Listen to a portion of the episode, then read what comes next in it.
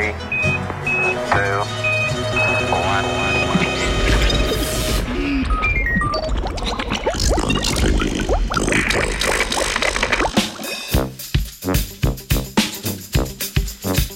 Polje ali rudnik.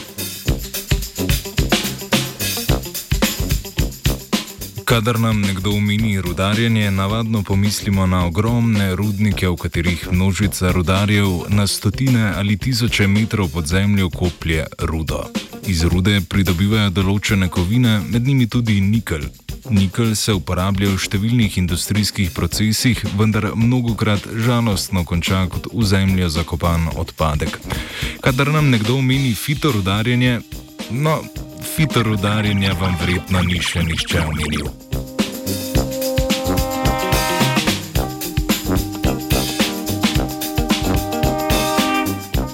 Prav v fitorudarjenju pa se je preizkusila mednarodna raziskovalna skupina. Fitorudarjenje predstavlja novo tehnologijo, pri kateri na Zemlji, onesnaženi z določeno kovino, gojimo rastline, ki so sposobne v svojo biomaso ugraditi veliko te kovine. Takšnim rastlinam pravimo hiperakumulatorji. Rastline na to požanjemo in iz njih pridobimo kovino, ki jo želimo. Tokrat je raziskovalno skupino zanimalo, kako dobro lahko s pomočjo rastlin iz industrijskih odpadkov pridobivamo nikelj.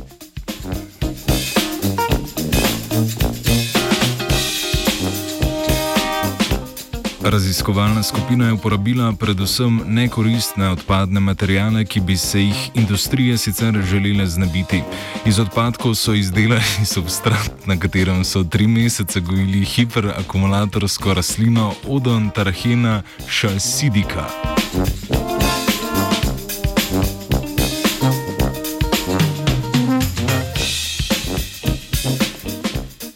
Rezultati so pokazali, da je na takšnem substratu rastlina uspela akumulirati tudi do 27 gramov niklja na kilogram rastlinske biomase.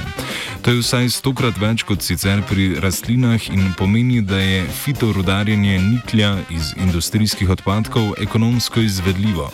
Vendar ni vse nikelj, kar se sveti.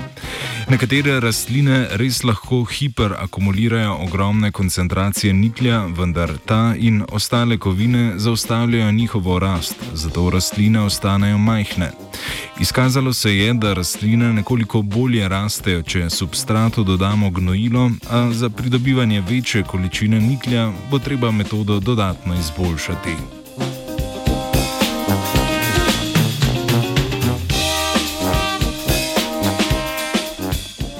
Kadar nam nekdo omeni fitorudarjenje, no, ponavadi nam ga nihče ne omeni, če pa bi ga, bi si morda na mesto podzemnih rudnikov morali predstavljati neskončna polja hiperakumulatorskih rastlin.